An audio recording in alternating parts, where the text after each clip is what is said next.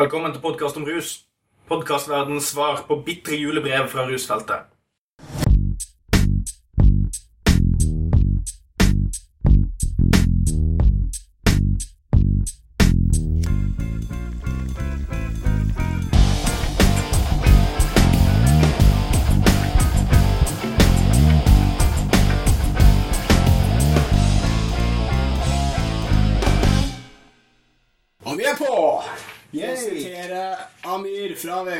VGTVs Uaktuelt. Igjen nevner jeg det programmet der. Velkommen til podkast om rus.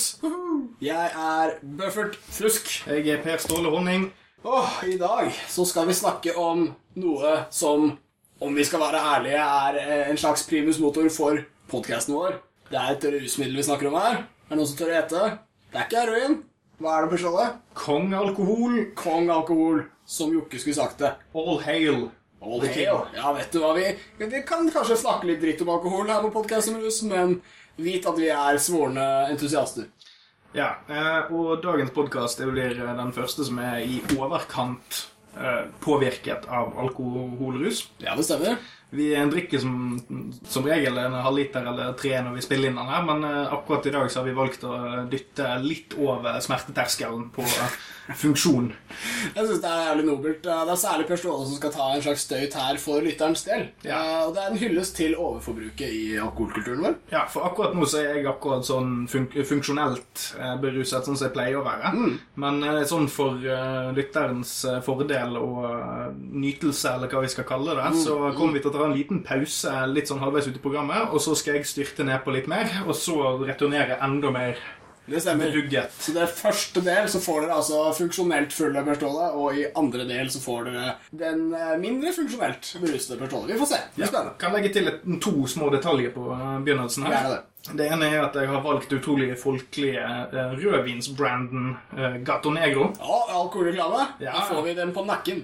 Vi er jo ikke kommersielle Ja, Nei, det er sant. altså. Gato Negro helt chill vin. Altså. Altså, vi, vi tjener ikke noe på dette så langt, så er vi vel 2000 lapper i minus på hele prosjektet. Ja, men faen, altså. Så Så, Det snur når som helst. ja, ja, snart så kommer Microsoft og soper og sånn. Vi venter på mail fra Gato Negro. Ja. Oh yes.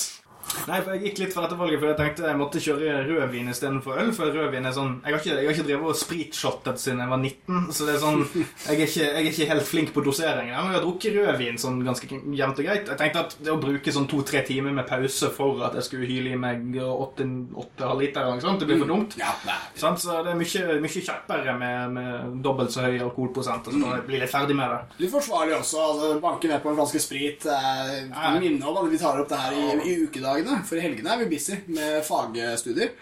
Så, så der, jeg det er ikke snakk om å hjelpe gamle damer over veien. Ja, det skjer jo i pausene våre. Uh, så jeg syns det er bra å velge vin og ikke sprit. Altså fordi uh, På grunn av eh, barna som hører på, eksempel. Så det er bra.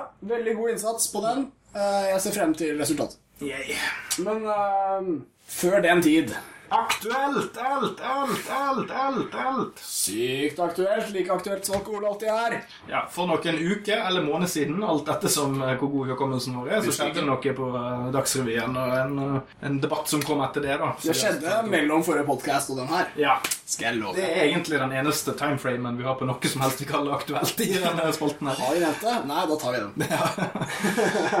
det her er Vi skal snakke Vi skal name-droppe hardt her. Altså. Det er særlig én rusorganisasjon, eller en brukerorganisasjon på rusfeltet. Beklager hvis det blir for nerd for deg, kjære lytter. Jeg lover det har vært det. Det er RIO vi skal snakke om. Rusmisbrukernes interesseorganisasjon. De har vært på Dagsrevyen. De har flotta seg med de store, si. Og de har da vært og kommentert det at Arbeiderpartiet de har sagt ja, eller uh, lagd en innstilling om at vi burde ha et prøveprosjekt med heroinutdeling til de eh, mest eh, slitne misbrukerne.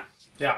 Eh, og jeg skal jo ærlig talt si at jeg har oppsøkt Rio litt på Twitter og spurt litt ut om dette. Og bare sånn helt på det rene, jeg er ikke 100% oppdatert på alle rusrehab... Alle ru- rushab... Faen, kan si. Kan du si det? Eh, Rusrehabilitering. Yes. Å, første. nice. Jeg er ikke så oppdatert på det feltet sånn akkurat hva teknisk som blir gjort, så jeg skal ta fullstendig høyde for at ting ikke er strømlinjeformet nok, Mm, og at det ikke er brukervennlig nok. Er og at-. At, at fokus er i altfor stor grad på, på institusjon og ikke person. Ja. Så, så på den siden er jo det Rio angivelig skal kjempe for. Mm. Der kan de nok mer enn meg. Men uh, ut ifra argumentasjonen deres så virker det veldig ofte som om de, de prøver å, å, å lage en sånn, en sånn tofrontsangrep mot ulike, Ja, uh, ulike sider ved f.eks. Uh, heroinassistert behandling. Absolutt. Vi, vi, kan jo absolutt vi kan jo skryte litt av dem og si at dette er jo en legitim forening som helt siden 1996 har argumentert for rusmisbrukernes side. Altså, Når ingen andre gjorde det, så fant de et slags mandat, en slags eh, behov, som de har fylt. Og per i dag så er de blant de største som tas inn til inntekt for hva rusmisbrukere faktisk mener. De som bor på gata videre. Men så var det da en eh, ung eh, herremann som heter Anders Solsal, som vi bare for interessekonfliktens del innrømmer at jeg har møtt en gang og drukket alkohol sammen med.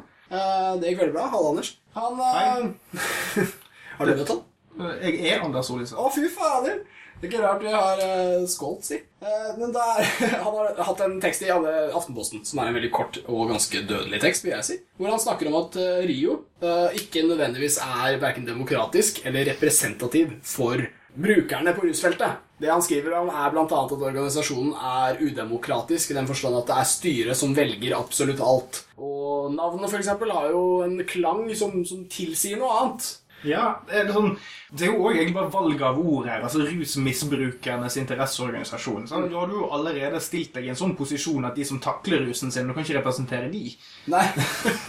og det er, eh, jeg har hørt mange morsomme måter å kritisere denne organisasjonen før, men jeg var jo at det ville jo aldri en junkie kalt sin forening. Altså, Ja. altså Rusmisbrukerne, det, det vedgår jo at man har misbrukt. Altså Ikke for å bli helt sånn her diktanalyse på uh, videregående her, da, men altså, når, du, når du allerede har grunnlagt uh, foreningen din basert på at du kun snakker om rusmisbrukere for rusmisbrukere, så har du òg allerede lagd deg en seleksjonsprosess der. sant? Altså, Ja. hva, som, hva som konstituerer en rusmisbruker, kan jo da være veldig subjektivt internt i uh, organisasjonen. absolutt, og det er, det er kjempepoeng. Som dere ender ende opp med at de påvirker rett og slett hvor restriktiv politikk de vil ha. Ja. de bare tar de De bare representerer de rusmisbrukerne som passer organisasjonen best. Hvem vet? Yes. Og at, at den berammingen da også berammer handlingsrommet de får. Det er også et, eh, en del av organisasjonen at man må ha hatt vært, vært rusmisbruker for å delta. Ja. Så man kan jo regne med at de aller fleste i styret har eh, en sånn type erfaring. Jeg vet ikke om noen av oss hadde fått være med. Nei. Eh, Det er interessant, er det ikke det? Ja, altså, Vi er ikke rusmisbrukere. Vi er bare rusbrukere. så du får en sånn omvendt, eh, omvendt sånn jeg vil, jeg vil dimme tidlig for et militærplan. Eller sånn du, vet de som sier at de røyker hasj for å slippe militæret, men her måtte du overdreve hasjforbruket ditt for å få lov til å slippe inn. Ja, det er, ja for det er et, det er et premissproblem her. Altså, det, det er åpenbart at narkotika fører til at man har det kjipt, og så slutter du med narkotika, så har du det bra, og da kan du være med i Rio. Men hva hvis du bruker narkotika og har det bra? Da kan du ikke være med i Rio. Eh, det Ja. Jeg føler vi er inne på noe her. Selv om, du, selv om du innrømmer at dette er skadelig for meg. Men du er oppegående nok til å melde deg inn i en Ja, ja, interesseorganisasjon. Og da er de sånn ja, du må slutte med en gang. Hvis du slutter, å være med i Rio. Uh, Ja, for du kan, du kan ikke være en gang betalende medlem. Altså, Jeg har inntrykk av at de, de representerer bare måtehold. Altså, det er ingen som, de, de tar ikke pisseprøver. Ja, men, sånn. ja, men de får ikke lov til å representere organisasjonen. Du kan ikke være stein og sånn. Nei, nei, men altså, Du kan ikke være i behandling og representere organisasjonen. Det stemmer nok. Det stemmer nok. Så Det er jo litt rart. Det er i så fall er som kom seg ut, da. Ja, for Hvis du er misbrukernes interesseorganisasjon, så må du jo faktisk la en misbruker, altså in the act of misbruk, Ja. snakke. Skulle en tro. Jeg, jeg syns også det. Men jeg kan jo også skjønne motivasjonen bak en sånn formulering. Mm. At dette skal ikke være en gjeng med pamper som snakker rusmisbrukernes sak. Det skal være en gjeng med folk som tok masse drugs, og så slutta de. Og nå så er de politikken, eller forvaltningen, eller hva de vil kalles. Men uh, kun inn suksesshistorie, med andre ord. Ja, det er det som da blir lett å kritisere. Er det ikke det? Mm. At, at her blir det da for de vellykka. Og ikke bare er de vellykka, men de blir diktatorene overfor de ikke vellykka. Ja, Vi kan vel eh, legge til en sånn liten uh, detalj her om at eh, vi påstår vel ikke at det er noe konspirasjon her. Nei, nei, vet du er. Mer, mer en slags sånn med, som Aktis, som de er en del av paraplyorganisasjonen Ja, det, det er det. Så er ikke dette her nødvendigvis strukturell uh, Altså noe som gjøres med overlegg, men det er noe vi mistenker blir en bieffekt av bare organisasjonsstrukturen. Ja, altså jeg, Det er gode intensjoner som kanskje kan slå seg litt rart ut. Utvilsomt. altså Jeg ville heller bare kritisert det for å være utdatert, eller noe sånn. Altså, Til neste år så fyller de 20 år, og argumentasjonen er på det beste tåkeleggende. Mm. Altså, Den var jævlig viktig på 90-tallet å si det at den der jævla rusomsorgen deres den er ikke individuell nok. Vi trenger sosialfaglig kompetanse for å hjelpe disse menneskene. Men i dag så sier de det til absolutt alt, og det, det, det tåkelegger jo bare. Når Arbeiderpartiet eh, nå nylig gikk inn for heroin som en mulighet i behandlingsapparatet, så eh, kliner jo Rio til igjen og sier at dette er fryktelig osv. Og det var jo, dette bygger jo på Stoltenberg-utvalget, hvor gamle, gamle Torvald og gjengen hans Yeah. Eh, 2011 samla seg og gjorde elleve, tror jeg det var, råd hadde de skrevet ned til regjeringen om ruspolitikk, og det var da det mest kontroversielle var at de ville ha en prøveordning med heroin. Eh, Rio kalte det da altså, det mest nedverdigende som noen gang har blitt foreslått for rusavhengige. Eh, Dette var i 2011. det var i 2011, det stemmer, og jeg, jeg føler bare at uttalelsen deres til Ap nå bygger på disse. Nedverdigende, liksom. Det, Det, det, det mest nedverdigende noensinne. Eh, Jeg ville jo sagt at når eh, alkoholikere ble kalt for moralske smittekilder som måtte utrenskes på 30-tallet, f.eks., kunne, kunne toppe det her. ja, altså, da, nå snakker vi vel kun det om rusavhengige, da. Ja da. Ja. Rusavhengige. Stemmer. Mm, ja, selvfølgelig. Ellers ville jeg jo nødvendigvis dratt inn en hel haug med ting som er mer nedverdigende. Det, det stemmer. Det er, det er en gruppe man ikke alltid snakker så høyt og stygt om. Nei, altså Kunst og håndverk på ungdomsskolen det er jo, det er jo litt mer kjipt enn Ja. hab. Men det er, eh, det er altså i uttalelsene som eh, Rios leder Jon Storås ga i 2011, som sikkert er gjort i en viss grad av affekt, eh, er jeg sikker på, så sier han å gi heroin til de tyngste misbrukerne er uten mål og mening. Heroinmisbrukere på gata vil naturlig nok være positive til forslaget, for når du er rusavhengig, tenker du kun på neste dose. Uh, Dette er en veldig generaliserende uttalelse. Ja, så Han snakker jo litt dritt om de han eh, hevder å skulle representere her. da. Altså, Sikkert du vil om det er enkelte andre organisasjoner som prøver å ordlegge seg litt mer for å hjelpe medlemmene sine enn å snakke ned om dem. da. Altså, det er den, Når du snakker generaliserende ut av en, en tungt belastet gruppe, så er du òg med på å Altså Selv om du har eh, gode hensikter, så blir du òg med på å- skape et veldig falskt bilde av hvor det er jo et mye mer komplekst system å Ja. være heroinavhengig enn bare neste dose, neste dose. Ja. I hvert fall med tanke på at mye av det med neste dose-problematikken nettopp dukker opp for at det blir litt dyrt etter hvert, du trenger mange doser. Så kanskje det å slippe å tenke på alle pengene du er nødt til å bruke på dette her, og det å skaffe deg de pengene, så kunne du gått et sted og fått administrert en dose på en trygg måte. Kanskje det ville vært litt nedstressende. Ja. Kanskje det ville ha en positiv effekt. Det er jo det å ta tak i hovedproblematikken med en heroinavhengig her. Ja,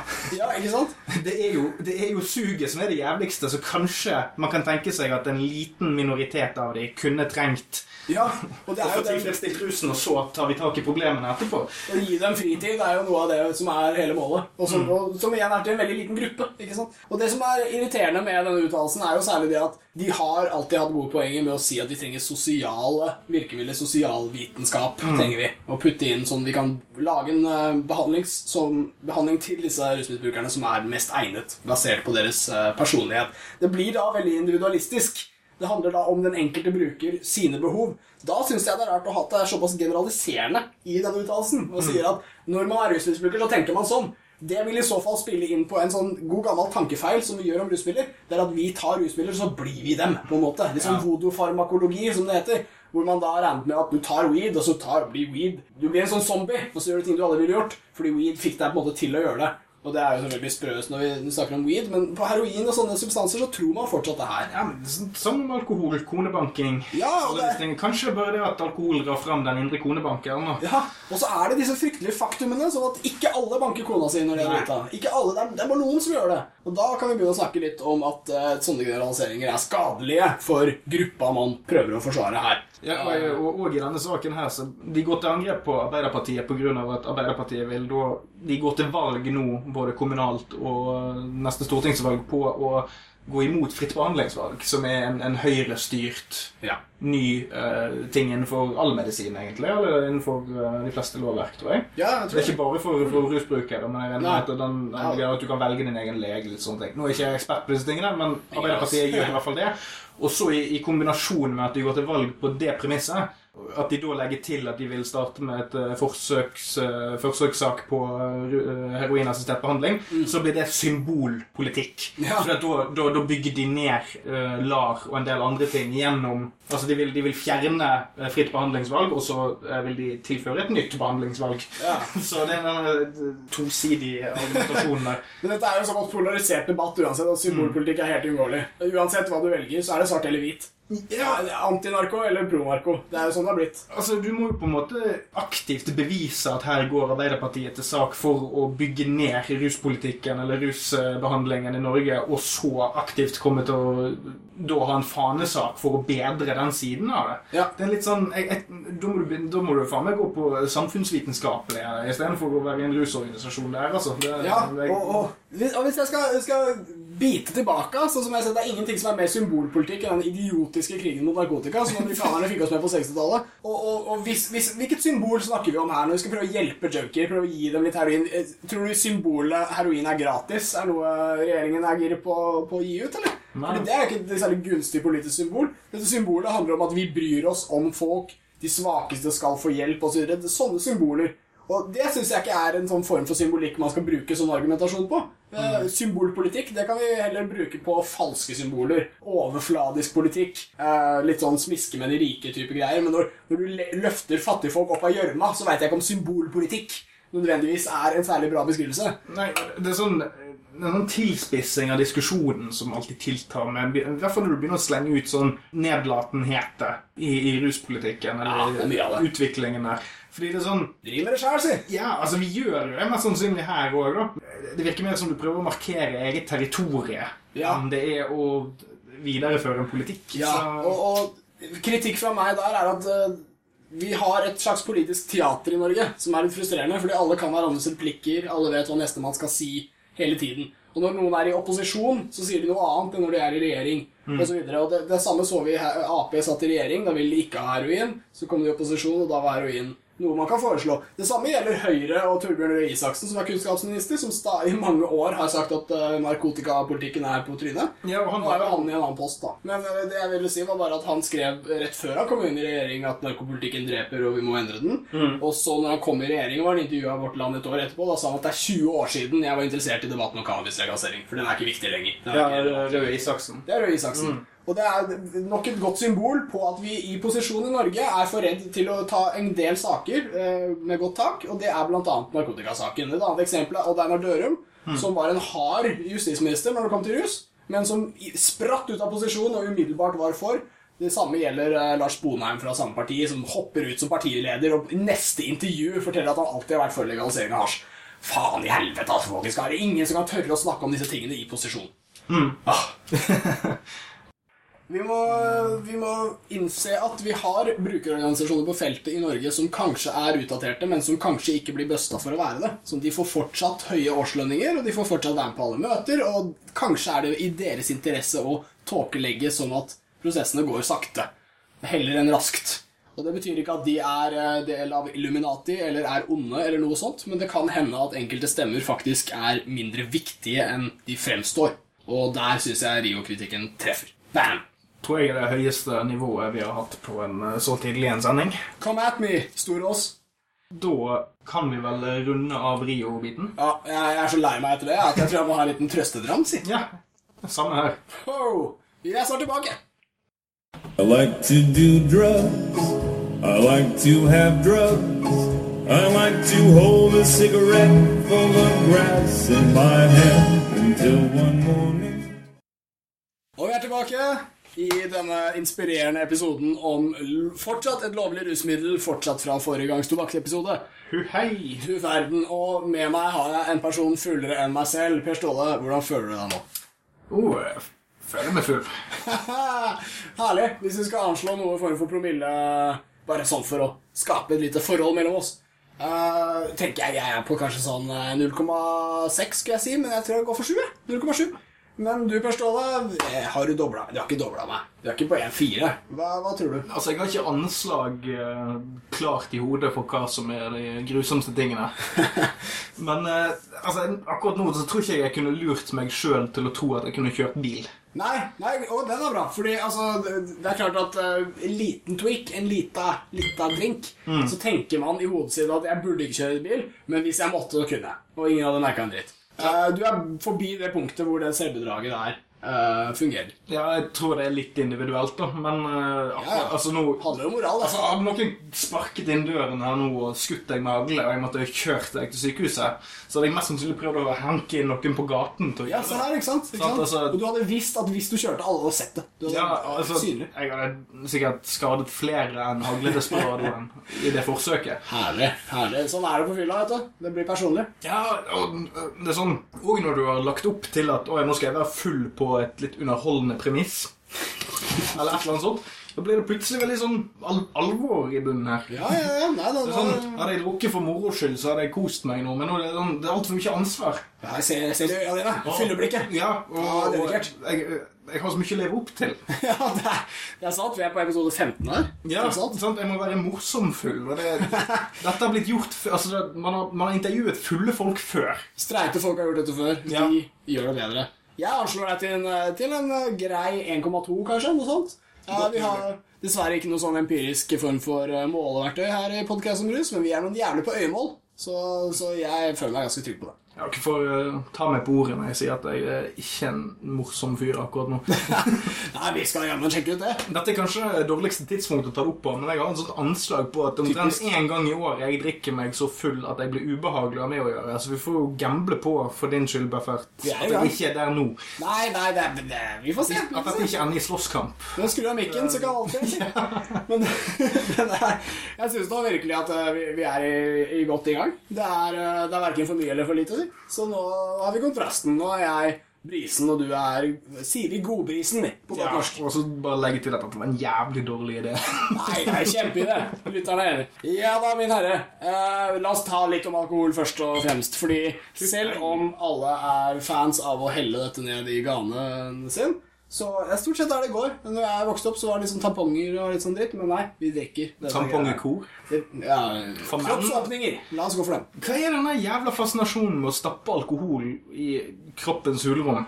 Det er uh, Hva slags fetisj er det vi ikke har greid å teppe her? Jeg vet ikke, mann. Det, er, det svir litt, og så blir du visstnok litt full. Jeg tror det første alltid skjer, og det andre kanskje skjer. Nei, men hva, hvor jævla kjedelig har du det ikke hvis det eneste alternativet du har for litt spenning i hverdagen, er å jamme jævla bomull med fylt alkohol oppi rasshølet? Hva er Og eh, Skjuler du det? Fra, skal ikke lukte av ånden, kanskje? Nei, det er rart.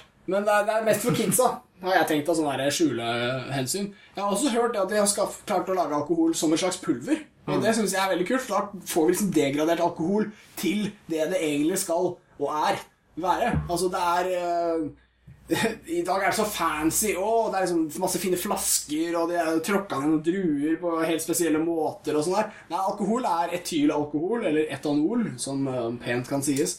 Og det er den gode alkoholtypen. Alkohol er et veldig vanlig kjemisk eh, molekyl. Vanlig struktur. Men etylalkohol er den som gjør deg full og ikke blind, og jævla blid, og så. Og jeg, jeg syns helt ærlig at vi må innse at det her er et jævla molekyl, folkens. Det gir en intoksikant effekt, og det er super-mega-nice, men det er råtten frukt. Det er, det er old school. Og det, det er så jævlig rart. Nå sitter jo jeg, jeg her og drikker det som kanskje folk vil kalle drittvin, siden uh, det er Gato Negro som vi snakket om. Hvis lytteren er en fancy jævel, så ville han sagt det. Ja, altså, men altså, Du har liksom sånn vinkjennere som er, det er Både vinkjennere og enkelte stemmer i eh, politiske posisjoner har snakket om å forby trelitersdunken fra Vinmonopolet, f.eks. Altfor mye vin tilgjengelig på altfor kort tid. Det stemmer. Det er veldig få har lyst til å innrømme, og det er særlig vinsnobbene. Det er jo det at, altså, du kan samle Jeg tror du kunne tappet fuckings eh, mest classy, jævla fantastiske rødvinsårgangen noensinne på plastbag. Ja. Jeg tror de færreste av oss ville kjent forskjell. Og fordelen er at det, kon det konserverer mye mer. sant? Altså, uh, Skrukorker Ja. og plastikkbags som ikke blir gjennomlyst av sollys, før det er i en pappeske, det holder på uh, konsentrasjonen mye mer. Kanskje du er nødt til å lufte denne jævla fancy uh, Ja. glasset ditt når du uh, tapper den, men jeg tror du kan servere helt ålreit uh, treliters dunkevin. Ja, Kanskje ikke det ypperste ypperste av det ypperste, men som sånn helt adekvat, fantastisk middelsrus. Ja. For en snobbedrittgreie å dra fram. For på- På det høyeste nivået er du opptatt av hvordan eh, korken sitter og sånn, men akkurat den referansen din der er til eh, Se meg, rusmeldingen, mm. som Stoltenberg II-regjeringen ga ut. Og da var det en representant som til og med dro inn sine egne erfaringer når hun sa at Uh, jeg, uh, når jeg åpner en treliters eh, dunk med vin, så drikker jeg helt til den er tom. på en måte. Og det er den samme regjeringen som startet initiativet for å forby uh, tipakninger av sigaretter. Ja. Så da var jo ikke den logikken så jævla stabil likevel. Eh, hvis du først har åpnet en pakke og må røyke den ferdig, så er det bedre å ha 10 enn 20, er det ikke det? Ja, sånn apropos, da, siden vi snakket om tobakk sist, Ja. så har jo jeg nå kjøpt meg e-sigg siden Han er på e-sigg, er fulle mann. Eh, De som følger meg på Twitter, har sett hvor irriterende mange ganger jeg har nevnt det. Det er ikke røyk, det er damp. Ja. Fantomestemme. Fy faen. Jeg kan ikke det. Jeg, jeg skulle gjerne dratt Fantomet. Det er ikke røyk, det er damp. Nei, nei. Men uh, uansett Bare en kort kommentar til tipakningene Ja, med ok. sigaretter. Kjør på. Eh, ok, du vil få folk til å slutte å røyke. Hvorfor tvinger de til å kjøpe høyere kvantum? Ja, ikke sant? Absolutt. Du er fremdeles hektet på sigg før du kjøper tipakningen. Selv en av gangen, da. Ja. Hvis det er så jævla ille. Ja, en av gangen. Mye, mye mindre praktisk enn å måtte selge de en bolk i 20 eller Jeg, eh, jeg syns det går greit. Vi er, vi er i gang. Jeg, jeg hadde lyst til å slenge på en liten sosial touch her med en shoutout til Maggot Farm. Og formatet shoutout er noe som fascinerer meg. Kanskje jeg egentlig da må rope de jeg hilser til. Shoutout! Ja, og så blir det da noe sånt som Maggot Farm! Eller noe. Eh, for det er de som får den. Eh, Maggot Farm er et ypperlig band fra Romerike-traktene, og de anbefalte seg selv som gjester. eh, Fordi de har peil på alkohol, og det vet jeg at de har. Eh, De har også peil på musikk. Sjekk ut Maggot Farm. Vi, vi utgjorde ca. 10% av publikummet på en Maggot Farm-konsert. Knapt det, Ja. skal jeg si dere. Og det står det respekt av. Og siden det så har uh, antallet økt, fordi det er litt sånn effekt vi har, da. Men uh, vi snakker litt mer om alkohol, og siden vi er i Norge og vår uh, kulturelle kontekst, så føler jeg det er et begrep som dukker opp med en gang, og det er fylla. Ja. Kanskje vi skal snakke om fylla? Ja. Hva faen er fylla? Ja, si det, du. Eh, Nå er jo jeg på fylla på noe utrolig unorsk. Hva er det du driver med her? Jeg tror, altså, Fylla utgjør jo ikke bare Altså, Det er ikke bare konseptet 'nå drikker vi oss dritings', det er hva vi drikker oss dritings på. Det er identitetsskapende. Sånn sett er jeg i en veldig dårlig setting her, for nå har jeg drukket meg full på et tradisjonelt søreuropeisk alkoholprodukt. Og det er en helt annen sammensetning av Altså, både i forhold til det at jeg har fått i meg høyere alkoholprosent, men det er òg eh, mindre væske i det. Ja, visst er det. Jeg jeg er en av de som får litt vondt i hodet av å, av å drikke rødvin. Hvis du styrter noen eh, rødvinsflasker, så blir du både full, men òg ganske du, får en, du blir tung i hodet. Blir Ja, tung i kroppen. Det er, en annen, er annen måte rusen treffer deg på. Dette er ypperlig alkoholprat. Eh, hvis vi da legger hva er fylla-debatten litt til side, og heller tar Altså blir du forskjellig full av forskjellige typer alkohol. Eh, for- spritfull, eh, for lytteren som har vært det, som er hele lytteren, eh, så, så er jo det å, å slå seg skikkelig løs og miste kontroll mer enn noe annet. På øl så, så kan du jo ganske følge ditt eget tempo helt til du blir lei, f.eks. Altså, kjapp anekdote. Hvor kjapp? Veldig kjapp. Det- La oss si eh, 30 sekunder. Det går bra, fylla. Eh, en av grunnene til at jeg valgte rødvin nå, som et sånt veldig kjapt eh, bli full-middel Funka som faen, skal jeg si det. Ja, funket jævlig godt. Eh, grunnen til at jeg valgte det fremfor for eksempel sprit, altså Jegermeister eller sånn andre shotteaktige drinker, er det at den siste gangen jeg uh, drakk meg drita på shots Ja. Og sprit, Uh, da var det siste jeg husket var at jeg var på det utestedet jeg var på. Eh, og så x antall timer senere så på en måte våkner jeg av at jeg ramler ned ca. 1 meter og 70 cm fra en etasjeseng rett i bakken. Alt mellom der Jeg aner ikke hva jeg har drevet med. Men jeg bare husker den kontante knask rett i betonggulvet på det hostellet jeg bodde på. Og det er kanskje en av de aller mest ydmykende opplevelsene jeg har hatt. Det er et veldig bra bilde på det. Hele mitt For jævla Det er et dramatisk øyeblikk selv når du er edru, men det er spritfylla som får dette til å skje. Så det er på en måte kulmineringen av prosessen. Veldig bra. Ja, jeg kjenner folk som virkelig ettertrakter denne blackout-spritfylla. og Jeg har aldri skjønt meg på det. De rømmer. Men hva rømmer de fra? Ja, altså, sånn, altså Jeg skammer meg over blackout-opplevelsene mine. Jeg har, hatt, jeg har hatt tre. Tre som jeg kommer på har jeg hatt i hele mitt liv. En skamvett. Skamvett. Undervurdert Ja. i, i fyllekulturen. Vi har eh, Jeg føler mange ganger at vi har litt sånn problem med at vi har bare ett eh, rusmiddel. Eh, det, det, mange folk som bruker kun alkohol, de ender opp på noe som vi kaller for streitingfylla. Vi, vi som bruker flere substanser, og når jeg sier vi, så mener jeg selvfølgelig meg og lytteren, for jeg ville jo aldri funnet på noe sånt. Podkast om rus er et uh, uavhengig friteaterprosjekt som aldri på noe vis vil promotere ulovlig narkotika. Det stemmer. Denne karakteren her, han har vært på byen før. Eh, Streitingfylla, det er rett og slett det at folk som uh, tar sterk avstand gjerne til andre former for rus, og da mener jeg ikke bare narkotika, men virkelig absolutt alt annet enn trening og puling. Og mat, kanskje. Eh, det er det at de bruker alkohol på en veldig uvettig måte.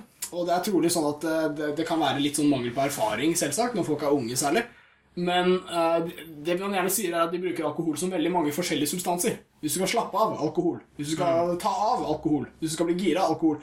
Så, så det, det blir litt sånn kaotisk, da. Man ender med å tåle mye alkohol for de som er rutinerte streitingfyll-brukere. Og de ender med å oppføre seg veldig utagerende. Mer enn folk som er på å si alkohol og hasj. Kanskje mer som folk som er på alkohol og speed, eller noe sånt, men de er fortsatt streite, så det er en egen, egen opplevelse. Jeg kan jo legge til der, altså Siden jeg visste at jeg skulle drikke meg full i dag på grunn av eh, denne, at jeg skulle lage denne podkasten For deg, lytter. For deg. ja, Jeg ofrer meg. Martyrdøden. Ok, da han hadde lyst heller. Nei, nei, jeg ble tvunget. Nei. Eh, Nei, men Siden jeg skulle gjøre dette, så drakk jeg ikke eller, så spiste jeg ikke en veldig uh, tung middag. Altså, Jeg spiste bare et par sånne jævla pizzarullgreier som du får kjøpt på Rema. eller sånn dritt. Det var noen bolle med kjøttdeig på, liksom. Det er alkislivet. Ja, uh, så teknisk sett så har jeg hatt en ganske effektiv alkoholprosess her òg. Det er ikke så jævlig mye motstand i systemet. Stemmer. Så jeg har jo ekstra tilrettelagt for den biten. Eh, og det er vel òg en variasjon du kan oppleve. Det er ikke, ikke nødvendigvis bare andre, de andre produktene du bruker det med, men og, altså, hva er målet ditt den dagen, alkoholmessig? En ting jeg hadde tenkt å spørre om eh, i, i vår eh, prosess for å finne ut hva faen er fylla, hva er det som foregår i, i krysningspunktet mellom sosialkulturen i Norge og alkohol, så lurer jeg altså på altså, Dagsfylla, det er et kult begrep. Eh, kveldsfylla er jo den originale, men dagsfylla er noe som gjerne kommer med sånn velferdsøkning og sånn, for dagsfylla før olja, det var jo stort sett bare å være en jævla gatealkis som ikke hadde jobb. Uh, men i dag så er dagsfylla noe som privilegerte mennesker kan gjøre. De kan ta seg fri, de kan drikke på dagen. Du er jo nå i en altså Jeg skal ikke røpe for mye om når vi spiller inn denne podkasten, men du er jo faktisk nå mellom dagsfylla og kveldsfylla. Ja. Du begynte på dagen, drikker deg inn i kvelden, får lagt deg i anstendig tid. Ja, altså, jeg, jeg vil jo tippe at Hva er det? Er det dagsfylla? ja, altså, jeg, tipp, jeg vil tippe at jeg kommer til å legge meg før nachspiel-tid. Ikke sant? Ikke Det er i hvert fall som er sånn Uh, Det er ikke helt kveldsfylla, det. vet du. Nei, nei, altså jeg regner dagsfylla fra sånn Når du begynner å drikke fra du står opp, men du drikker ikke så mye. Kanskje en liten frokost først, men that's it. Ja, altså sånn, la oss si Når jeg er på ferie, altså samme hvor jeg er, Ja. da unner jeg meg alltid mer alkohol, men jeg unner meg mindre i løpet av dagen. Det stemmer. så jeg havner inn i en sånn bris som går fra klokken ti om morgenen til rundt fem om ettermiddagen. Men da er det ikke snakk om mange enheter. Da er det sånn en øl eh, sånn etter frokost en gang. Og så kanskje to til lunsj. Og så kan jeg gå en stund, og så kanskje jeg kjøpe en øl bare når vi spiser en is et eller annet sted. Og så ne, eh, slutte å spise og drikke sånn helt fram til middag. Ja, Og så spiser vi middag, men da da har du på en måte fått et opphold. ja, ja. ja. Eh, og da begynner fylla etter det. Um, Stilig. så Dette er, dette er veldig bra. Altså, jeg, jeg føler det er liksom underkommuniserte ting. For jeg gjenkjenner denne strukturen her. altså. Ja, altså, altså, altså Dagsfylla er en mye mer sånn her hypnotiserende effekt. Du, er ikke, du anerkjenner ikke at du er full, men du er, du er full på et gitt vis, men det er mye mer funksjonelt. Du går rundt, og så Så for at du ikke skal gjøre, gjøre en jobb, altså sånn dataprogrammering eller en, en sånn klassisk kontorjobb eller anleggsjobb, så kan du fungere helt fint som et omstreifende vesen i dagsfylla. Ja. Kveldsfylla er tyngre, uansett hvor du er. Knallbra. Jeg fletter sosialteorien rett inn. jeg. Gunnar Åkvåg, stor fan. Han sier at frihet er i Norge den høyeste verdien, som f.eks. politiske partier kapper om å få tak i. Og jeg tenker at Dagsfylla har jo dette sterke elementet her. ikke sant? At Før så var det alkis, eh, satt på gata og drakk hele dagen. Det var ikke noe særlig sånn dagsfylla. Dagsfylla er eh, friheten til å gjøre det. Ikke sant? Du har fri i dag, da drikker vi tidlig. Det er det du beskriver her. Det er jo eh, et nydelig og litt luksuriøst prosjekt. Ja, og, og, og selvfølgelig dette er direkte knyttet opp til sånn Jeg er eh, vest, nordvestlig privilegert økonomisk, selv om jeg ikke har så jævlig god inntekt, så kan jeg liksom Altså, kommer du fra Norge og har vanlig, rimelig grei inntekt, så kan du ta deg en ferietur i året som er litt uh, luksuriøs hvis du sammenligner det med verdensgjennomsnittet. Ja. Så uansett hvor jeg drar, så vil det være billigere å kjøpe alkohol. Eh, andre ting, altså kjøpe klær og sånn, vil alltid være litt up in the air. Men som jeg sa sist, det tidspunktet vi slutter å sammenligne alkoholpriser og ølpri- eller tobakkspriser og alkoholpriser når du kommer hjem fra et feriested, da har man oppnådd nok i, eh, i ruspolitikken. Ja. For det første jeg sier liksom, når jeg møter moren min, eller noe sånt, at en ferietur var kjempebillig.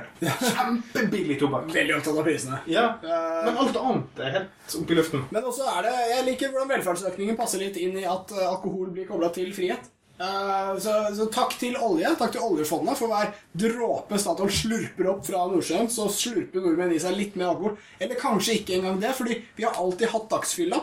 Men nå er den justifisert på en eller annen måte. Nå kan vi liksom Vet du hva, vi unner oss den. Vi tar oss ei lita kule. Ja, ja, men det, altså, Tradisjonelt sett så har vi jo ikke hatt rom for dagsfylla. Ikke i det hele tatt. Vi har vært så jævlig fattige, vet du. Ja, men så, Jo lenger sør du kommer, jo mer sosialt akseptert dagsfylla være. Altså, ikke, ikke sånn, nå, nå kan jeg ikke nok om spansk kultur La oss si dagspausen ja, ja. eh, i Spania. Ja, ja, sant. Altså, Jeg kan ikke noe om spansk kultur til å dra det i det vide og det breie, men det er den der eh, saken om at, at dagen er ikke bare delt opp i fra, fra du står opp, og så går du på jobb, og så går du hjem. ja. Men det at du står opp, du går på jobb, så går du hjem, og så altså, det, det er en annen måte å strukturere dagene Det stemmer, det blir en helt annen verden. Hvis nordmenn hadde fri midt på dagen, så hadde vi jo drekt. Ja. Da hadde vi inntatt alkohol den pausen, og så hadde det vært vanskelig å komme tilbake på jobben. Det, det er bare veldig fremmed. Og det, det finnes jo teori om dette, sant? altså innenfor historie og, og sosiologi og en del andre ting. Så du trekker fram liksom tem- temperaturforskjeller. Liksom. Nordmenn lever i et veldig kaldt miljø. Derfor tar vi oss ikke så mange pauser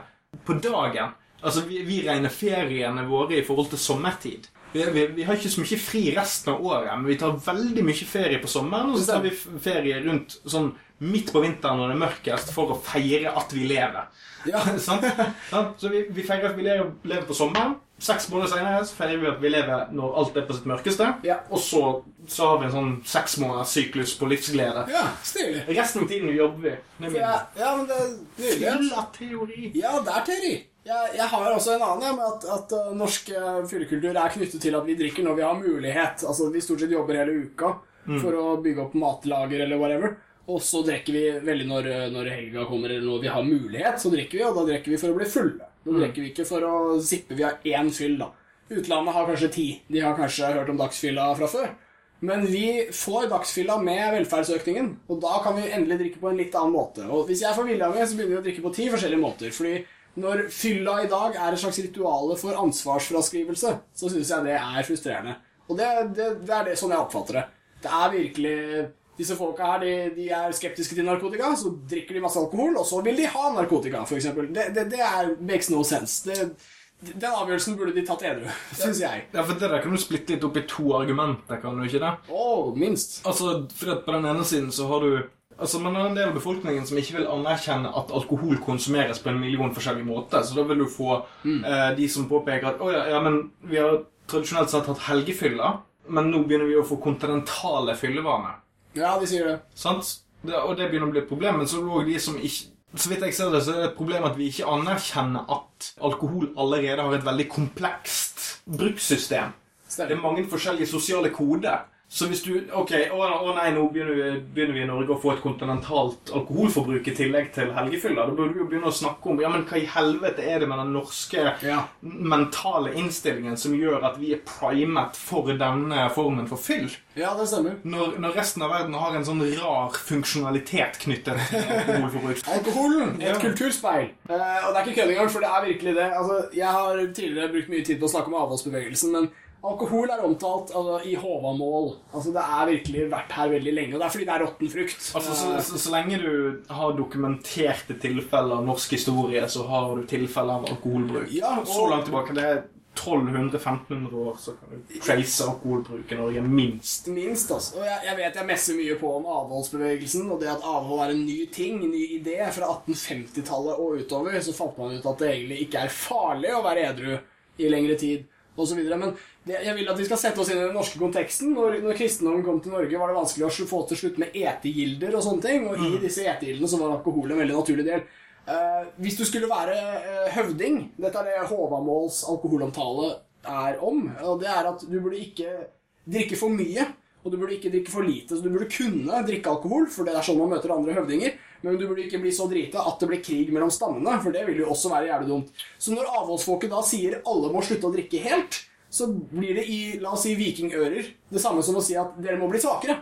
Dere, Ja. må, dere må miste denne evnen som dere har. Denne lærdommen dere kan om drikking. Jo, men denne, denne avholdstingen er en, en litt Altså, det du fremstilte der, er jo på en måte korrekt, men det òg litt overdrevet. Oh, ja. Fordi den eh, Etter, etter liksom kristningen av Norge så brukte man veldig lang tid på å bli kvitt de hedenske elementene.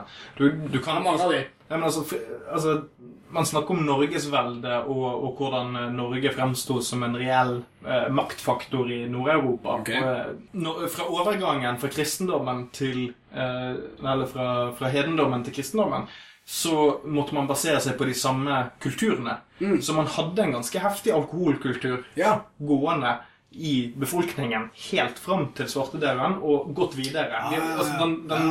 Det er der fundamentet ligger. Så vi har alltid hatt alkohol med oss som et sosialt glidemiddel. I maktsituasjoner. Det er ikke det, altså, den norske befolkningen i dag drikker nok mye mer enn den gjennomsnittlige norske befolkningen for 1000 år siden. Ja.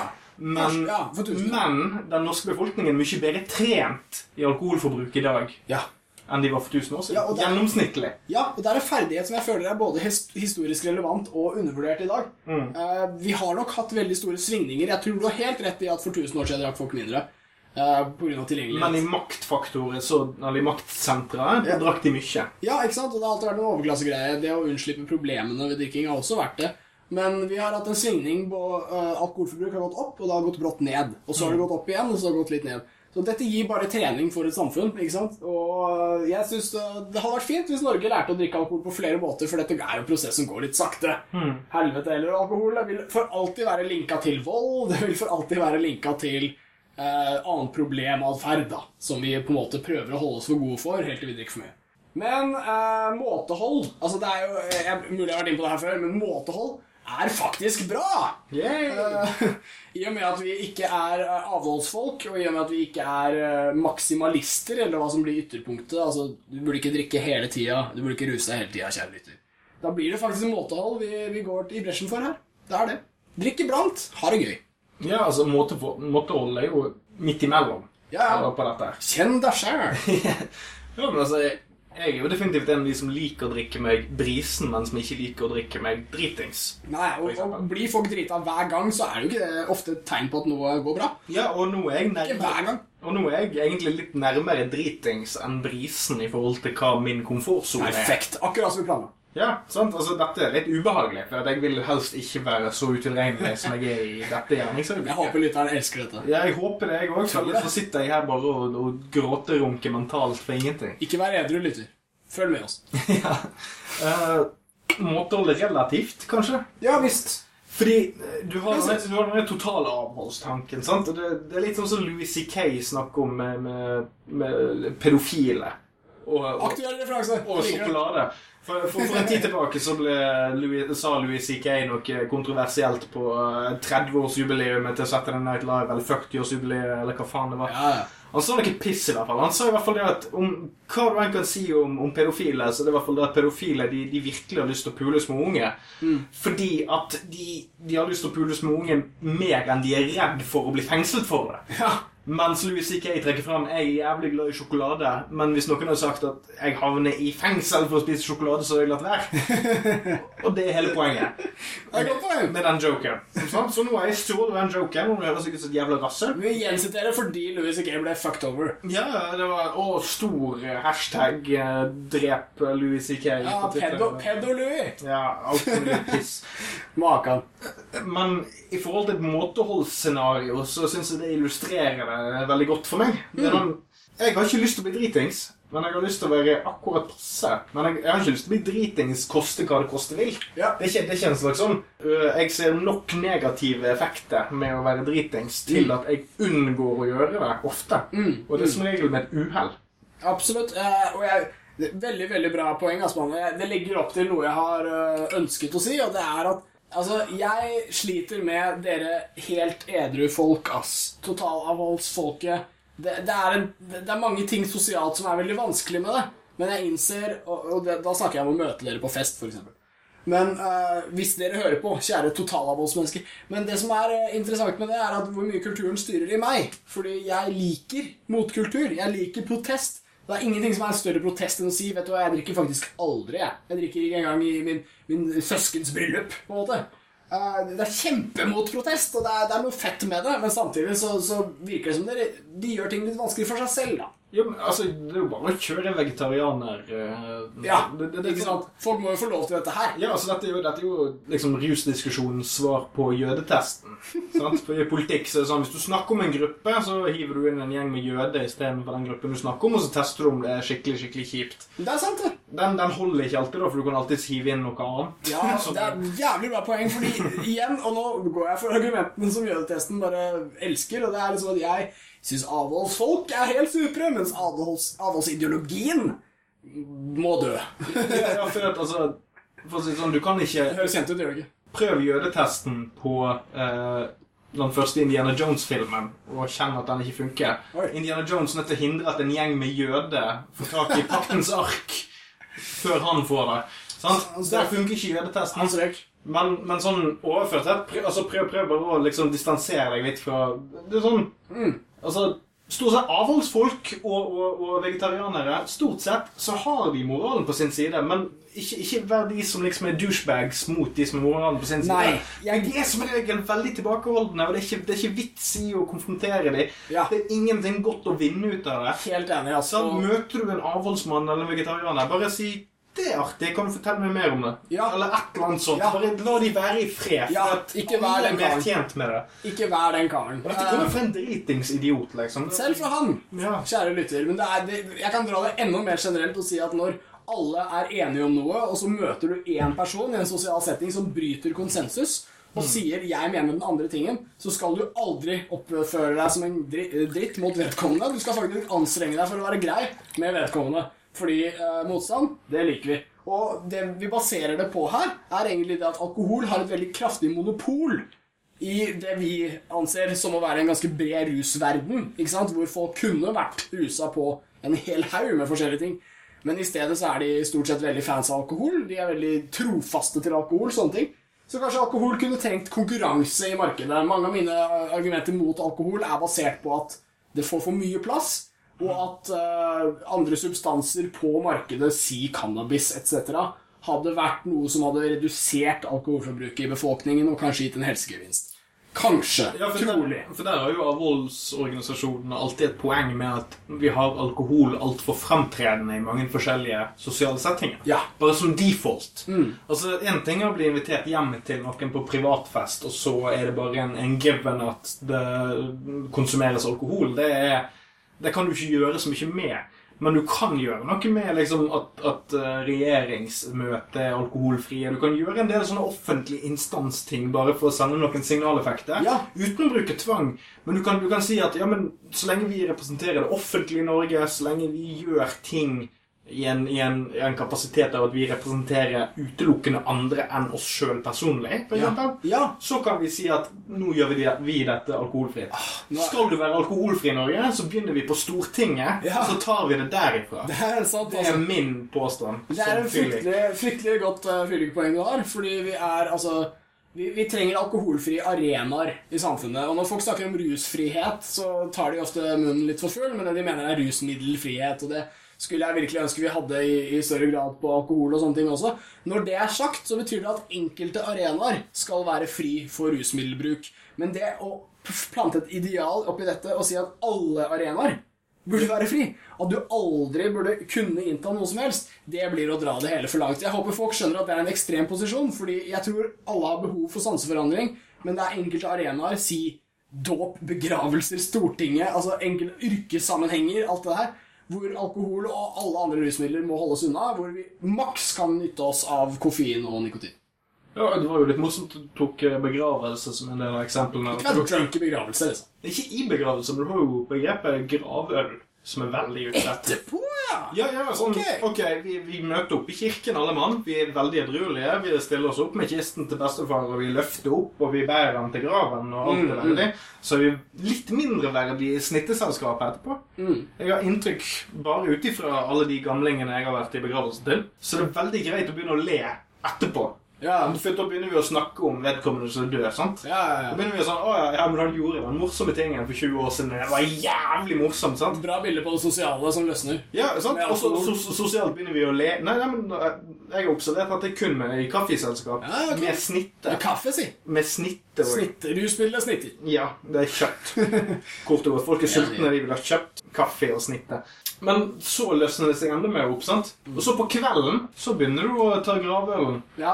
Da, ok, men da, da er det skål for vår falne helt, og så kjøre litt sånn vikingbegravelse etterpå. Det er en litt sånn eh, gammel eh, tradisjon. Ja, det er et bra kulturspeil, altså. For det, jeg selv om det var la oss si, en skikkelig stoner som døde, da. La oss si det var Timothy Leary som døde, så spiser vi jo ikke Vi, vi bytter jo ikke ut gravølen med grav-LSD av den grunn. Nei. Ikke sant? Altså, vi, det er et veldig bra speil på hele kulturen, men jeg, jeg vet ikke Sånn som når, når cannabis for eksempel blir mer uh, tilgjengelig. Jeg har hørt denne historien fra folk som har røyka cannabis i nærheten av begravelser for folk som har vært veldig glad i cannabis, og så får de på en måte kjeft av andre cannabisfolk. Fordi det er en symbolikk uh, som er en slags Du refererer til noe som var negativt for den døde. Eller Ja. noe sånt, da. Ikke sant? Altså, Cannabis har ikke plass her. Alkohol har alltid plass. Men egentlig blir det jo bare et sånn ganske stilig kulturspeil. Eh, og jeg vil gjerne snakke om det at andre substanser, hvis regulerte, hvis tilgjengelig på Vinmonopolet f.eks., ville tatt noen av aksjene fra alkohol på rusmarkedet. Ja, og det tror jeg definitivt er den mest interessante delen av eh, både rus- og alkoholpolitikk-debatten Ja. generelt vi kan ha i dag. Fordi eh, vi sitter ofte og ranter på denne podkasten her om «Åh, Folk burde bare hørt på oss, og så hadde alt blitt så jævlig greit. Hell yeah. Dette teaterprosjektet vi innfører. Bra teater. Jævlig bra teater. Men med en innføring av andre rusmidler så ser jeg for meg en sånn Eller ikke Jeg tror det er veldig viktig for uh, samfunnet vårt her, eh, at, vi, at vi utfordrer alkoholens hegemoni. Ja, I, hegemoni. I måten vi, vi, vi tilnærmer oss rusproblemet på. Med en gang vi begynner å se for oss en utfordrer på alkoholens egen arena, Mm. så kan vi begynne å, å, å differensiere litt mer. Altså se på hva vi snakker om. For jeg tror altfor mange tenker alkoholrus når vi snakker om rus. Mm. Ja. Vi snakker om heroinister, vi snakker om speedfreak. Ja. Alt. Så tenker vi hovedsakelig fylliker. Det stemmer. Og det tror jeg er Selvfølgelig mange heroinister fylliker, men Mm. ikke alle fylliker Men- er heroinister. Det er fordi det er, som du nevner, helt innplanta i kulturen nå, ikke sant? Og, og foreløpig så har man ikke noen naturlig plass for cannabis i ruskulturen. Eh, den, den vil i så fall være når man får fri og sitter alene og gjemmer seg. Da kan du bruke cannabis. Men i en la oss si begravelse i en formell setting eller noe sånt, så har ikke cannabis noen særlig plass. Samtidig så, så er det på tide å, å ha en litt sånn rusoppvåkning i denne kulturen. Altså Jeg sier ikke at eh, rusmidler burde introduseres på flere steder enn før. Langt ifra. Men eh, det er klart at blandingsbruk, som vi ser det, kanskje burde hatt et bedre rykte enn det åpenbart har. Alkoholbransjen er blant de mest ivrige lobbyistene mot cannabislegalisering i f.eks. USA. Det var noe jeg først fnyste litt av når jeg hørte, men som jeg etter hvert ser tallene, så ser jeg at de, har en reell sak. Hvis cannabis blir lovlig i et marked, så er det kamp om brukerne. De samme brukerne kutter ølinntaket sitt. Særlig øl eh, går ned, da. Kjapp anekdote. Yes, please. Veldig relatert til dette. Ja, ja. Eh, vi snakket jo om tante Aktis for en tid tilbake. Tante Aktis er med, vet du. Ja. Mina Gerhardsen er ofte ute Grandtante Mina. Grandtante Mina med eh, paraply og full Torbjørn Egner-mundur, om du vil. Eh, hun, hun argumenterer veldig mot f.eks. den eh, fremvoksende cannabislobbyen i USA. Sant? Hun er veldig redd for denne lobbyen av eh, pro-cannabis. Fordi, fordi det faktisk fins penger på pro-siden. For første gang på lenge. Det jeg etterlyser hos tante Mina og hos uh, tante Aktis uh, Forresten, hashtag Aktis ut av uh, Europarådet, eller ut av FN. Ja, det er den FN-greia. Ja. Ja. fuck de. La oss ikke glemme det at de er involvert internasjonalt. Skal ikke se- sende Rio heller. Nei. Skal ikke det. Det som ofte slår meg med Mina Gerhardsen sine angrep mot cannabislobbyen i USA, det er stort sett basert på kritikk mot det kapitalistiske systemet. Mm. Eh, Mina burde heller meldt seg inn i Rødt, tenker jeg. Fordi Problemet hennes er hvordan USA er bygd opp. For i USA har du lov til å ha lobbygrupper. Ja. Det er lovlig med interesseorganisasjoner som prøver å påvirke politikere. Mm. Vi har mindre av det i Norge. Mye mindre innflytelsesrik, men vi har det. Mm. Uh, altså, det, det burde du rette beskytte sitt mot, for det er eh, de kommersielle kreftene Mm. sin innflytelseskanal inn på politikken. Det er stygt. Men tanken om at du kan fremstille cannabis kommersielt, er ikke like stygt. At cannabis kan utfordre alkohol, det er bare bra. Problemet er hvis cannabislobbyen er nødt til å slåss om midler mot alkohollobbyen. Det er stygt, Ja. men det er kun et, et, et kapitalistisk problem. Ja. Det er ikke et problem med konseptet cannabis og alkohol. Ja, bra poeng, altså. Og dette er jo et sterkt poeng i den nå tydeligvis veldig antikapitalistiske podcast om rus. Uh, fordi jeg skal kjøre på med noen poeng, jeg. Uh, medisinbransjen, som har alle sine virkemidler fra amerikansk kapitalisme, de er eh, jo ganske monopolstyrt. Grunnen til at de skulle være monopolstyrt, er at det de driver med, er så forferdelig viktig, i motsetning til rusgivende stoffer, f.eks. Så ser vi på statistikken hva som er de mest brukte rusmidlene i Norge. Det er angstdempende rusmidler. De slåss med speed om andreplassen etter hasj. Og da er det angstdempende ting som eh, diazepam, valium og andre rohypnol og den slags type piller. Og hvem lager disse? Jo, Om ikke det er medisinbransjen, så er det de folka som har fått tak i hemmeligheten til den samme bransjen, som skulle få jævla mye hjelp for å holde på disse hemmelighetene. Så helt ærlig, narkotikaselgerne er ikke bare skurkepakke, men det er også de som solgte hemmelighetene til skurkepakke. Altså med tanke på Kapitalistisk sett. Med tanke på at politiet har et uh, interndirektiv på å oppsøke uh, ruslegaliserende diskusjonsgrupper for å se etter oppvigleri, Ja. så syns jeg det er ganske treffende at vi sitter her på vår mest alkoholiserte podkast og blir mest konspirasjonsorientert. Ja, er det rart òg, da? Men Ja. men ja. Jeg ser poeng. Faen. uh, men, men samtidig, la oss dra det inn i konspirasjonen vår at uh, det fins f.eks. kampanjer i Norge som Norsk Narkotikapolitiforening står bak, hvor du blir nektet adgang på visse utesteder hvis du har på deg legaliseringseffekter på klær. Det som er morsomt med begrepet legaliseringseffekt, er at det ikke ville omfattet alkohol, fordi det er jo allerede legalt. Så det er jo ingenting å legalisere. Så det å ha på seg en skjorte hvor det står 'Jeg drikker alkohol', og det burde du gjøre òg, din jævel, det ville vært lov. Mens et jævla cannabisblad, bilde av en plante, ville da hindret deg adgang på norske utesteder. Det er jo Ja, det er jo noe drøyt her. Er det ikke det? Ja, men altså, Alkoholkulturen er alle innforstått med, så utelivsbransjen har liksom korrigert seg. Ja, det er sant. Det er alkoholselgerne. De vil ikke ha konkurranse. Ja, men altså, alkohol, ja, Alkoholselgerne vet at ja, hvis vi selger alkohol etter klokken tolv, da vet vi at da får vi så og så mange bråkmakere. Mm. Derfor trenger vi så og så mange dørvakter, og så får vi de ut. Mm. Eh, Men vi har jo en felles kompis, eh, Buffett, for eksempel, jo, som har påpekt tanken om at ok, men hvis vi hadde utvidede skjenketider, eksempel, ville vi hatt like mye vold Færre. når det var skjenkestopp? Færre tilfeller, tror du? Mulig. Altså, Se for deg at altså, mye av alkoholpolitikken i dag baserer seg jo rundt eksempel det å slutte å servere. Det, man stenger kranene klokken tre, og så det, kan man sitte og drikke til klokken halv fire. I hvert fall i, i veldig sentrale strøk, og så har man individuelle forskjeller i kommunene. Ja. Men se for deg at du da hadde hatt åpningstider Altså bare Du kan servere til klokken er sju om morgenen. Men da ville du da ikke få mer da å servere til sju om morgenen. Så ville det vært Du ville ikke fått et plutselig øyeblikk der alle fyllikene måtte ut mens de er på up. Jeg får det bare fordi vi har en så sterk kollektivkultur i Norge at det å bryte opp det hadde vært veldig bra. La oss bare gjøre ting til litt forskjellige tider. Det hadde vært gjerne fint. Men om jeg kan eh, skyte inn, Fordi nå er det faktisk på tide å rappe opp denne salige sendinga. Er vi på avrusning? Ja, nesten. Men før det eh, så har jeg lyst til å stille et spørsmål til deg som er litt full. Ja, jeg dritings. folk digger dette spørsmålet når de er fulle. Det er hvor mange mennesker dør av alkohol i Norge hvert år. Eh, og jeg har statistikk fra om det er 2013 eller 2014. Men det For det har du jo det. Ja da. Det er, okay. det er bare et enkelt tall. Ok, uh, okay la, la meg basere det, da. Eh, og Grist. Ja, men La meg prøve å kvalifisere det som faglig. da Unnskyld, jeg bare trodde vi hadde en tenkepause. Jeg ville bare si at Folk som er fulle, ofte blir litt sånn sure når jeg tar det opp. Akkurat som jeg skal prøve å si hasj er så bra, for ingen dør av det. eller noe sånt Altså Hvis jeg hadde blitt sint nå, så måtte jeg bare dratt hjem og slått meg sjøl hardt i ballene. Ja, men fyr deg opp. fyr deg opp Fy faen, hvor mange dør av alkohol, ass.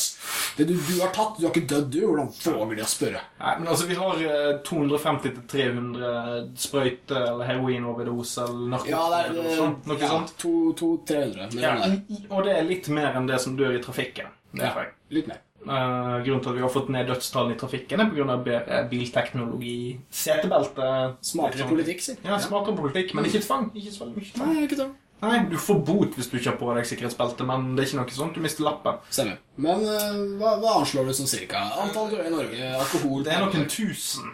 Det er faktisk langt mindre.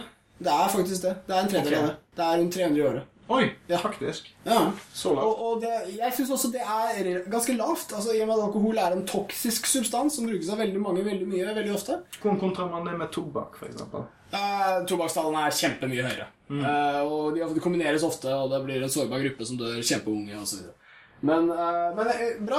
Eh, jeg ville bare egentlig ha med det, at eh, som en slags eh, Jeg blir ofte tolket for å være litt sånn eh, narkoliberal. Utrolig. Eh, men da blir ofte folk også sure fordi jeg skal snakke dritt om alkohol. eller noe sånt, Og det for meg bare bevitner at vi trenger å bryte opp dette monopolet her. Ja, for altså, Det at jeg sitter her og drikker meg dritings kveld, er jo ikke nødvendigvis en, en sak mot eller for noe som helst. Nei, det- sant. Dette er det den norske stat tillater meg å gjøre. Ja, Det er ikke politisk handling at Per Ståle er ganske bra småbrisen, he heavy-brisen. Altså, for, for, for alt lytteren vår vet, så har jo vi vært ruset på alt mulig rart alle de forrige podkastene. Men det eneste vi kan snakke høyt om at vi er ruset på, er alkohol. Fordi at det er det eneste lovlige. Hvilken av episodene var vi på LSD, eksempel? Hint det er ingen. Eller hint, alle. Ja, Hvem vet? det var ikke en stor dose, men et fnugg. Det, det vil dere aldri høre. Dere har ikke kontroll over oss. Uh, unnskyld, flertall. Det er deg, lytter. Vi er på avrusning. Jeg tror vi skal rappe opp dritten. Avrusning! Ah, yes, indeed. Vi har eh, ikke bare snakket om alkohol, vi har inntatt og be befølt substansen fra innsiden av våre organer. Særlig du, Per Ståle. Hva, hva har du å si? Må bare si til lytteren at det kan godt hende jeg har havnet inn på mange eh, sidespor i løpet av denne kvelden her. Jeg føler at den har blitt veldig lang, men det er òg fruktbar. Ja, ja, ja. Ikke verst. Ikke verst. Ganske på et spor, for det. Ja, på, på et slags spor. Men, men det er sånn, man, ser jo, siden det er du som er minst eh, beruset her, mm. Bøffert, så er det jo sånn du har alltid mått, du har måttet eh, dra meg inn noen ganger, men jeg føler at uh, vi har hatt en diskusjon. Men jeg tror den har vært uh, litt mindre reflektert enn vanlig, kanskje. Kanskje. Den har vært kanskje litt mer altomfattende. Ja, ja, det er mulig reachen blir for stor. Jeg tror også noe av vår konklusjon skal være at alkohol har en litt for stor reach. Ja. Altså, dette er, Nå snakker jeg om reachen vi, vi føler når vi snakker. Vi, vi får så mye ideer. Det løsner som faen. Men alkohol markedsmessig, kulturmessig, har for stor reach. Er du ikke enig i det? Og lytteren burde egentlig bare sånn, Hvis lytteren har tenkt å, han Per Ståle han har hatt mange jævlig gode poeng i kveld. Ja. Så burde du gå litt i deg sjøl. Ja, Og tenke Har han egentlig noe poenger? Han har vært dritings hele veien. Så hvis han henger på greip, så er det sånn Kanskje dette har litt for stor reach. Åh, det er bra. altså er, er den fulle mannens stemme egentlig bare en ralling fra vår alles indre? En slags, en slags eh, felles stemme hvor vi skriker ut mot uh, kulturen, kanskje? Mot Universet! Ja, mot eksistensens frustrasjon. Forbannet. Og så våkner vi neste dag, har det helt jævlig, plukker opp bitene og går videre. Ja, for altså, jeg er kanskje verdens feiteste fyr i mitt Ikke feiteste, men feteste. Fet! Fet i mitt eget hode akkurat nå, men i morgen så vil jeg ganske hevn. Mm. Som bare Fuck han idioten som fikk oss her. Åh, og, og alt dette har vi gjort for den kjære lytteren. Fy til helvete! Jeg håper dere setter pris på dette her. Min smerte er deres glede. Vi gjør det for Norge, vi gjør det for kulturen, fedrelandet og andre ting som blir viktig for folk som drikker masse. For deg, Harald. Hell yeah. Takk for i dag.